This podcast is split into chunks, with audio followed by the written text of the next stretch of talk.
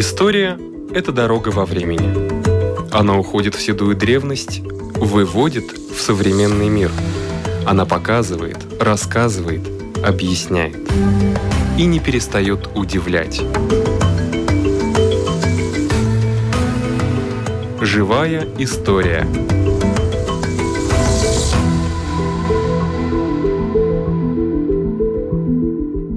У микрофона Лидия Чера.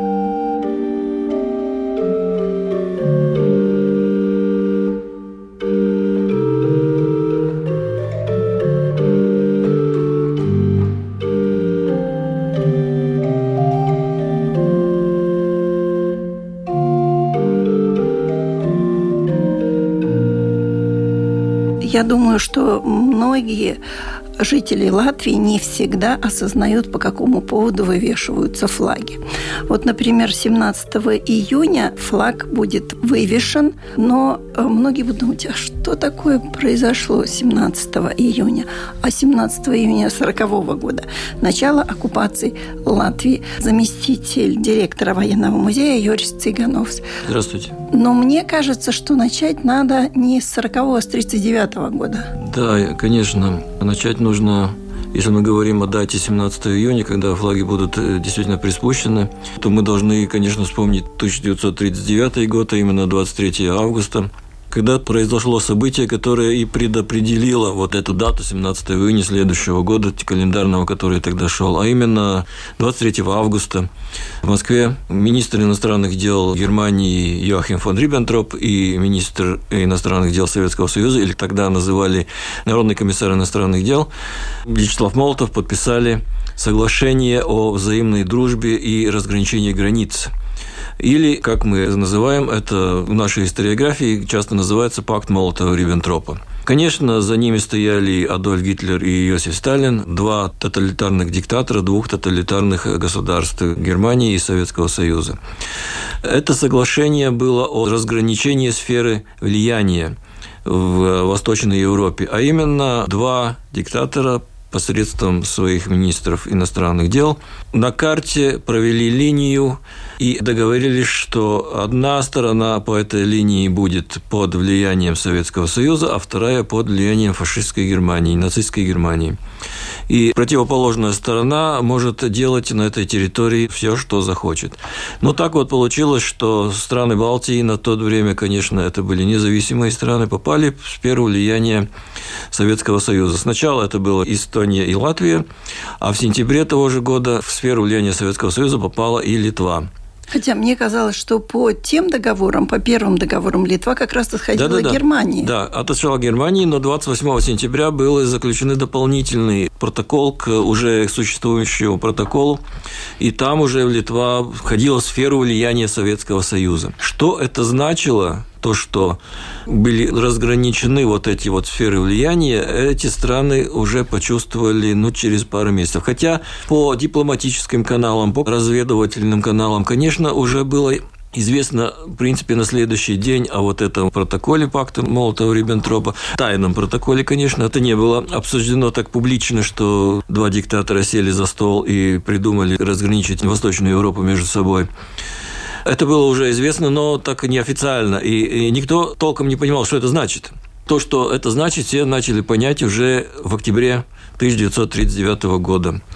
А, значимый месяц в нашей истории, потому что поочередно с делегацией каждой из страны, Эстонии, Латвии и Литвы, делегации этих стран были вызваны в Москву на переговоры. И всем трем странам по отдельности каждой был силой навязан договор о взаимном сотрудничестве или договор о базах. Этот договор заключался в том, что, ну, например, Латвия пускают свою территорию ограниченный, как тогда сказали, контингент советских войск. Ограничения состояли 25 тысяч человек. Это чуть больше тогдашней латвийской армии. И этот контингент советских войск размещался на специальных базах возле западного побережья латвийского побережья. Mm-hmm. Лепая, Венспилс и вот периметр этих городов по реке Венте. То есть юг и запад латвийской территории. Аналогично договоры были навязаны и Эстонии, и Литве. После Эстонии, Литвы и Латвии пришло время Финляндии, но финны предпочли отстаивать свою независимость с оружием в руках. Что они и сделали, это было начало Зимней войны, Зимней военной кампании 1939-1940 года, и в марте 1940 года финская армия потерпела поражение, но сумела сохранить независимость финляндского государства. А вот как так происходит? Все-таки они потерпели поражение, но сохранили независимость. Да, и потеряли примерно, если не ошибаюсь, 20% своей территории, то есть это Выборг, это Карельская перешейка, северные территории возле Мурманска. Но своей борьбой они сохранили независимость из-за того, что Советский Союз понес огромные, колоссальные потери в этой войне. И советские руководители посчитали, что дальнейшая военная эскалация нежелательна. В том числе Советский Союз всем было видно, что это страна-агрессор. И международное сообщество тоже ну, выступило, да? выступило на стороне Финляндии. Но, конечно, финская армия и финское государство дальше не могли сопротивляться, и вот этот март 1940 года и перемирие, и заключение мира. Это было как передышка для Финляндии. Конечно, передышка где-то только на год, потому что в 1941 году, после начала боевых действий между Германией и Советским Союзом, война продолжения Финляндии продолжалась. Она так называется – война продолжения.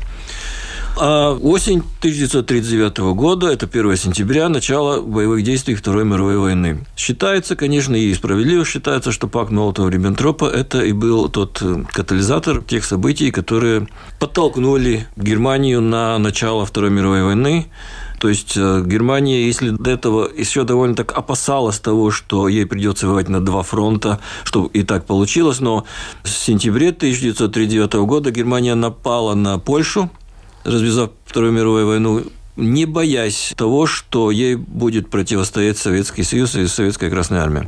Как оказалось, что Франция и Великобритания выступили на стороне Польши, но эти боевые действия 39-40 год это были ну, так довольно несерьезны на Западном фронте.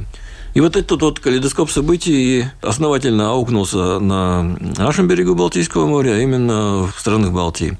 Ну да, а наши страны не стали сопротивляться. Да, советский что... контингент вошел сюда беспрепятственно и разместился на военных базах на территории Латвии, значит, это была территория возле Лепа и Венспилса. Но ведь все говорят, что этот э, подписанный пакт о ненападении все-таки очень доверял этому пакту тот же самый Сталин. Есть теория о том, что Сталин подписал этот пакт для того, чтобы отвести взгляды Гитлера от него. А именно Сталин и советское руководство Красной Армии вынашивало планы дальнейшего нападения на Запад – то есть в их планы входила оккупация и рекорпорации не только стран Балтии и той части Польши, которая отводилась по пакту Советскому Союзу, но и дальше. То есть Сталин планировал воевать с Гитлером и, может быть, там с Францией и Великобританией дальше, и планировал нападение на Германию. И есть теория, которым придерживались в свое время и российские историки, например, как Мельтюхов Михаил, и тот же Суворов, и тот же Марк Солонин, что 22 июня 1941 года, то есть в 4 часа утра, без объявления да, войны, да, да, да, перешли границу Советского Союза, что это упреждающий удар. А именно, чтобы отвлечь советский удар, который по Мельтихову планировался где-то на 15 июля 1941 года, ну, примерно. Мельтихов в своей книге «Упущенный шанс Сталина» описал вот эти документы, которые хранятся в российских архивах. Правда, в последнее время Мельтихов уже отошел от своей теории. Товарищи объяснили, что неправильно так думать. Ну, в России это возможно. Ну, или перевоспитался человек, осознал свою ошибку. Но э, в этой книжке очень хорошо с документальными описями и с, со сносками на архивные документы доказано, что Советский Союз развертывал группировки нападения именно на середину и конец июля 1941 года. То, что аэродромы советских вооруженных сил находились 15 километрах от границы. Танковые соединения, нападения, танковые соединения, штурмовые группы находились в 15-20 километров от границы. То есть, не границы, а разграничительные линии. То есть, это линия территории бывшей Польши, которая была поделена на две части и нету никаких оборонительных сооружений. По военной теории ясно, что штурмовые э, истребители не ставят 15 километров от границы, не делают большие запасы продовольствия, военного снаряжения, топлива возле границы. И именно это был факт, то, что в первые дни войны Германия, германские вооруженные силы уничтожили значительную часть Красной Армии и сделали то, что июль, август, сентябрь, октябрь, ноябрь 1941 года – это был крах советской военной машины, это был крах Красной Армии. Красная Армия была разбита. Но в силу того, что Советский Союз – это неисчерпаемые военные резервы, и в силу того, что союзники помогали очень, ситуация потом изменилась. Но с 1941 года это был крах и победа германского оружия, который потом, конечно, обернулась им боком. Да, но в принципе, вот если говорить о доверии Сталина, то он все-таки, как бы сказать, не. Ну, он был уверен, что Гитлер на него не нападет да, да. после заключения пакта. Об этом. И мог осуществить свои планы, в том числе и на территории э, стран Балтии, Латвии, Литвы, Эстонии. Ну да. и мы подходим вот к этому 17 июня как раз. Да. 17 июня 1940 года, как бы вы его обозначили, как это день чего? День э, военной оккупации. Значит, э, опять же, вернемся назад. Значит, 5 октября 1939 года был подписан пакт о ненападении между Советским Союзом и Латвийской Республикой. В силу этого пакта на территории Латвии были введены уже меня упомянутые части, ограниченный контингент советских войск. И вы понимаете, когда здесь находится армия, которая превышает... Э, превышает армию Латвийской Республики и по численности, и по вооружению. И ясно, что уже в мире бушует Вторая мировая война, то есть Балтийское море блокировано, потому что это внутреннее море, как мы не смотрим. Гитлер быстренько разобрался из Дании, из Норвегии, и из Польши. То есть вся Балтийское море стало внутренним морем без выхода то есть Советского Союза и Германии. А, к тому же Финляндия полностью перешла на сторону Гитлера. Ну, это понятно, потому что ну, враг моего врага – это мой друг. И у латвийского правительства, так же, как и правительство Литвы и Эстонии, были очень ограниченные возможности что-то делать самим. То есть, можно сказать, что с октября 1939 года Латвия превратилась в протекторат Советского Союза. Да, с собственными символами национальной независимости, но с очень ограниченными возможностями что-то делать. В том числе и в военном плане, и в плане сохранения своей независимости. Ну и последний акт вот этого дела, то есть уничтожение латвийской государственности, был 17 июня 1940 года, когда в ходе планированной военной акции – латвийскую границу перешли уже постоянные части Красной Армии, и Латвия была оккупирована и в военном отношении. Ну, так же, как Литва и Эстония. Ну, как вы, наверное, знаете о том, что я родилась еще тогда, когда 17 июня отмечали как праздник. Да, социалистическая, социалистическая да, революция да, в Латвии. Да, да. И говорили, как встречали, и как радовались люди тому, что наконец Ну, там было несколько, да. если я правильно понимаю, несколько, несколько дат. Да. То есть 17 июня – это вход Красной Армии на территорию да. Латвии, а 21 июля с 17 июня по 21 июля – это месяц. Да. За этот месяц произошел окончательное разрушение латвийской государственности и оккупация и инкорпорация латвийской территории в состав Советского Союза. Что произошло за этот месяц? Быстро-быстро из Москвы приехали люди, правильные ребята, которые э, начали определять здесь, э, что делать. То есть создать свое правительство подвластное Москве которое под руководством профессора Аугуста Кирхенштейна за две недели быстренько сделать выборы Сейм, то есть организовать. В Сейм допускались только проверенные люди, только один избирательный список, где были люди, которых назначали московские эмиссары. То есть там ни один левый мужик туда попасть не мог. Да? Понятно. Ну, левый не в смысле того политической, а в смысле то, что не принадлежит к вот этому сословию, которых одобрила Москва. И в первом же заседании Сайм Латвийской Республики еще формально независимый проголосовал в один голос за установление Латвии советской власти и присоединение к Советскому Союзу, грубо нарушая Сатверсми, то есть Конституцию Латвийской Республики, где сказано, что любое изменение в статусе государства определяется только волеизъявлением народа. Здесь этого не было.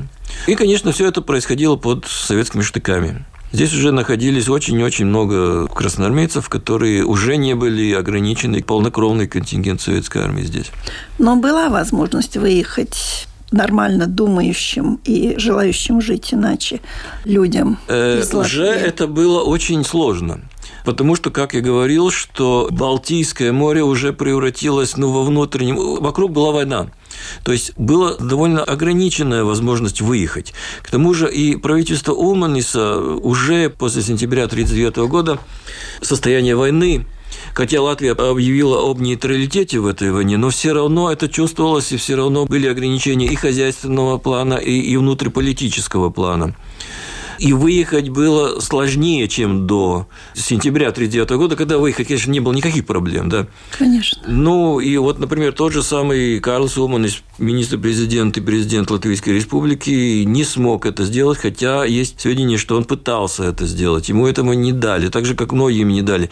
Конечно, тут еще нужно упомянуть то, что Адольф Гитлер в сентябре 1939 года объявил о том, что все лица немецкого происхождения Армения должны вернуться в Фатерланд, свою угу. родину. Здесь, как вы знаете, в Латвии, как же как в Эстонии и в Литве, была очень многочисленная немецкоговорящая община. Их нельзя называть немцами в традиционном смысле понимания этого слова. Это, это типа балтийские. Это и есть балтийцы, не да. типа а ну, настоящие да, да, да. балтийские немцы, которые и национально, и эмоционально, и культурном плане себя осуществляли чем-то другим, нежели те немцы, которые живут там. Ну, Балта, немецкая община здесь, на территории Латвии, образовалась начиная с 13 века.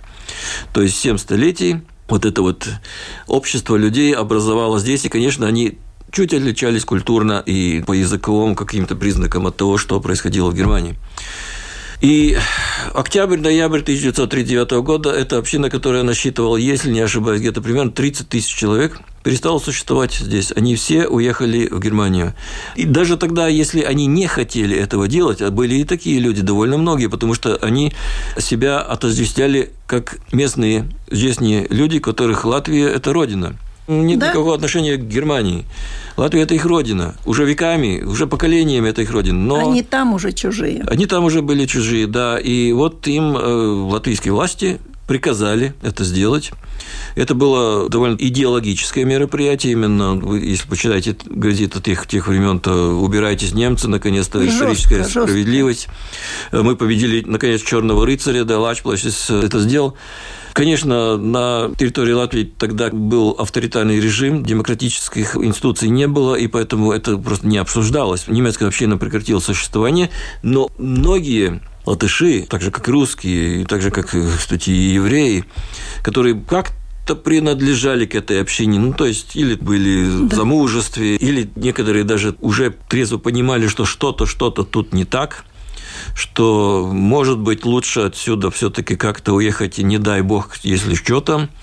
Некоторые латышские предприниматели так и сделали, продали все свои заводы и просто уехали из Латвии э, долой, потому что это неспроста. Таким образом, конечно, можно было ехать. Да, наверняка еще можно было как-то по-другому отсюда попасть в Европу, но если вы спрашиваете о каком-то массовом отъезде, нет, этого не было, потому что это было очень сложно сделать. Я думаю, что именно поэтому. А особенно после 17 июня это было сделать практически невозможно. Можете назвать, какие предприниматели уезжали, какие заводы? Э, сразу идет, идет на ум один из самых больших предпринимателей латышского происхождения – это Хирш, который владел здесь текстильной индустрией. Вот он как раз и покинул территорию Латвии. Очень многие военные деятели тоже, ну, например, генерал Данкерс, у него жена была немка, ну, местная немка, он использовался этой возможностью уехать.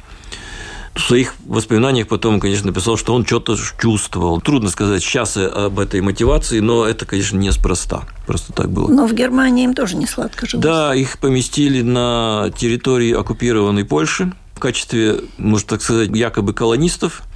Но, конечно, они считались и там люди второго сорта, потому mm-hmm. что они были именно Volksdeutsch, но не. Ну, да, да, не арийская. Ну, арийская, но не совсем. Не, не, не до конца. Да, грязно-арийская. Да. И многих потом использовали как раз в качестве э, разного рода вспомогательного персонала, когда здесь советская оккупация сменилась немецкой оккупацией. То есть они вернулись уже сюда, на территорию Латвии, в качестве чиновников новой оккупационной власти, переводчиков, потому что это была община, которая была интегрирована в местную сообщество. То есть Германского от них их многих было, ну, то есть, может, имя, фамилия и язык, которым разговаривали дома, но, в принципе, уже конец 30-х годов немецкая община это было полностью интегрированная в местную общественную, культурную и экономическую жизнь Латвии. То есть этим мы потеряли очень много тогдашнее латвийское государство.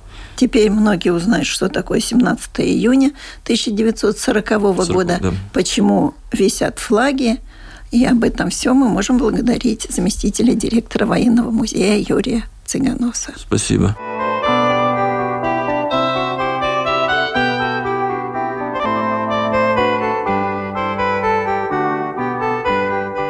что реликвии истории Латвии рассказывает Ирина Зайбарте. Как известно, традиция праздника песни довольно уже укрепилась и стала, наверное, не только старой, но и древней.